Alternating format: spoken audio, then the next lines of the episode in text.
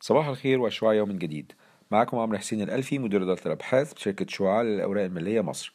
الساعة الآن الثامنة صباحا بتوقيت القاهرة يوم الاثنين الموافق 22 أبريل 2019 في قصة اليوم بنتكلم بتفصيل أكتر عن خبر آه، رفع الجدارة الائتمانية لمصر من قبل موديز في آخر الأسبوع الماضي وده اللي كان طبعا يعتبر خبر إيجابي لأن موديز اللي إحنا عارفين هي آه، أكتر الوكالات الائتمانية المعروفة عالميا تحفظا. طبعا الوكالتين الأخريتين عندنا S&P اللي هي بورز وعندنا فيتش ولكن موديز بنشوف إن هي بتاخد وقتها في ال upgrade لأن هي متحفظة أكتر. وحصل طبعا upgrade لمصر كده من B 3 برؤية إيجابية ل B 2 برؤية رؤية مستقرة. إحنا عارفين لما بيحصل upgrade الرؤية بتبقى مستقرة لأن حصل upgrade فبالتالي بيبقى الرؤية المبدئية أو ال default بتاعها بيبقى مستقرة ولو حصل تحسن الرؤية بتبقى إيجابية وبعد كده ممكن يحصل upgrade تاني. ولكن بصينا في الأسباب ال upgrade أو رفع الجدارة الائتمانية لمصر وشفنا في التقرير النهاردة بنحاول نلخصها في كذا نقطة. من ضمن النقط اللي موديز خدتها في الاعتبار هو تحسن الوضع المالي بالنسبة للموازنة العامة. وده نتيجة طبعا إن الإيرادات بتكفي بتكفي المصروفات من غير بناخد في اعتبارنا المصروفات الدين اللي هي الفوائد وبالتالي هو ده اللي بنسميه الفائض الأولي. ومهم جدا برضو موديز بيركز على صافي الدين مقارنة بالناتج الإجمالي المحلي وإن ده متوقعين إن هو ينزل لتمانين في المية على ألفين وعشرين ألفين وواحد وعشرين.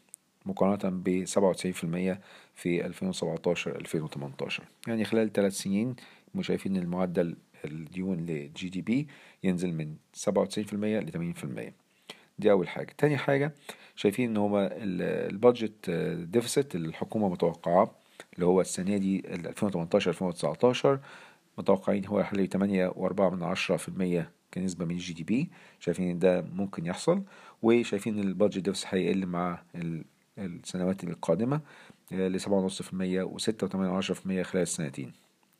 وبالتالي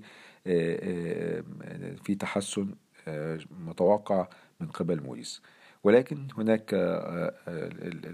الفائض الاولي اللي لسه كنا بنتكلم عليه هو متوقع إن هو ال target الحكومة حطاه السنة دي 2% ده هيبقى صعب وانه ممكن تعمل target بتاعها يبقى to achieve 0.8% أو فاصل 8% ولكن النقطة بقى اللي هي مهمة جدا ودي اللي بتاكل الفائض الأولي وتخلي فيه عجز كلي هي طبعا المدفوعات الفوائد.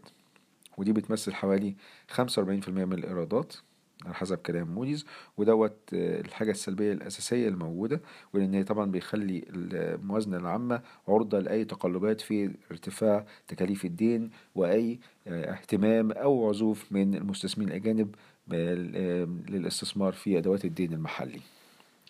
ولكن شايفين إن هو على المدى القصير ده من الكلام يرجع لموديز برضو شايفين إن هو العجز الموازنة الدولة بتحاول تسدده عن طريق الاستدانة من القطاع البنكي في مصر ده وارد يحصل وما فيش أي مشاكل فيه لأن البنوك فيها سيولة كافية وده ما فيش مشكلة فيه على المدى القصير. طالما إن الحكومة هتكمل الخطة بتاعتها إن هي تحاول تطول فترة الاستحقاق بتاعت الديون المحلية بتاعتها تبقى فترة أطول وبالتالي تتجنب أي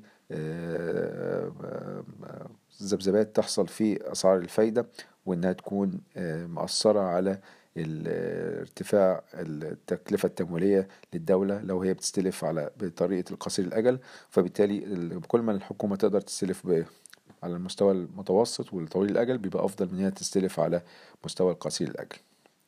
موديز بتقول ان هو إحنا ممكن نعمل upgrade برضو الفترة الجاية لو لقينا إن الصادرات غير النفطية بترتفع بصورة جيدة ولقينا سوق العمل بيتحسن ومن أهم حاجة طبعا إن إحنا نلاقي في إدارة جيدة للدين المحلي وإن الإصلاح الاقتصادي أو الإصلاح المالي مستمر وفي يعني التزام بيه. من الناحية الأخرى قال والله إحنا ممكن نعمل downgrade لو لقينا إن في بعض القرارات أو السياسات اللي يتم اتخاذها ممكن تأثر على معدلات النمو لأن إحنا زي ما إحنا اشرنا في السابق إن هو معدلات النمو مهمة جدا كاقتصاد علشان تقلل في الآخر نسبة الدين لإجمالي الناتج المحلي. وأيضا لو لقوا إن هو في ارتفاع كبير في اسعار التضخم أو ارتفاع كبير في تكلفة الدين المحلي. دي باختصار النقط اللي موديز كانت شافتها بعد ما عملت ال upgrade أو في خلال التقرير اللي طلعوه عشان رفع الجدارة الائتمانية بالنسبة لمصر. وده يمكن متماشي مع اللي إحنا شايفينه في شعاع إن فعلا المشكلة الأساسية حاليا في بالنسبة للموازنة العامة هو الدين وتسارع الدين المحلي بصورة كبيرة. اللي هيعوض دوت حاجتين. أول حاجة إن إحنا فعلا نطول فترة الديون لتبقى فترة طويلة طويلة الأجل ما تبقاش قصيرة الأجل عشان ما يبقاش عرضة للتقلبات في أسعار الفايدة وإقبال الأجانب على ادوات الدين أو عزوفهم عنها. وتاني حاجة إن الاتجاه للاستدانة عن طريق العملة الأجنبية ودي تكلفتها بتبقى أقل طبعا خصوصا ده بعد ال upgrade اللي حصل دوت من موديز ده ممكن يساعد إن تكلفة الاستدانة خارجيا تبقى أقل.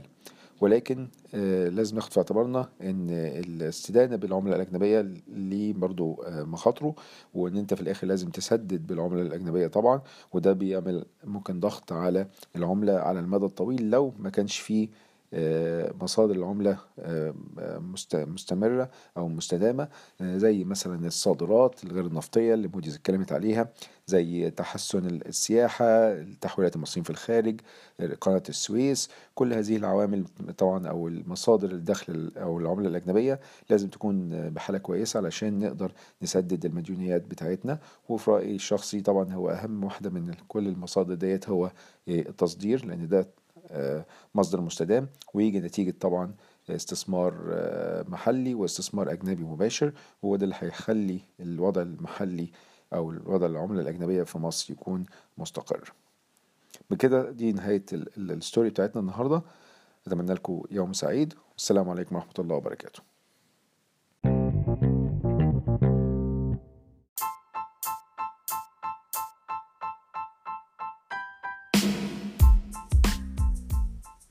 هذا الملخص الصوتي هو لأغراض المعرفة فقط ولا يمكن اعتباره عرض شراء أو بيع أو إدارة استثمارات أو خدمات استشارية. ينصح باستشارة مستشارك المالي قبل اتخاذ أي قرار استثماري.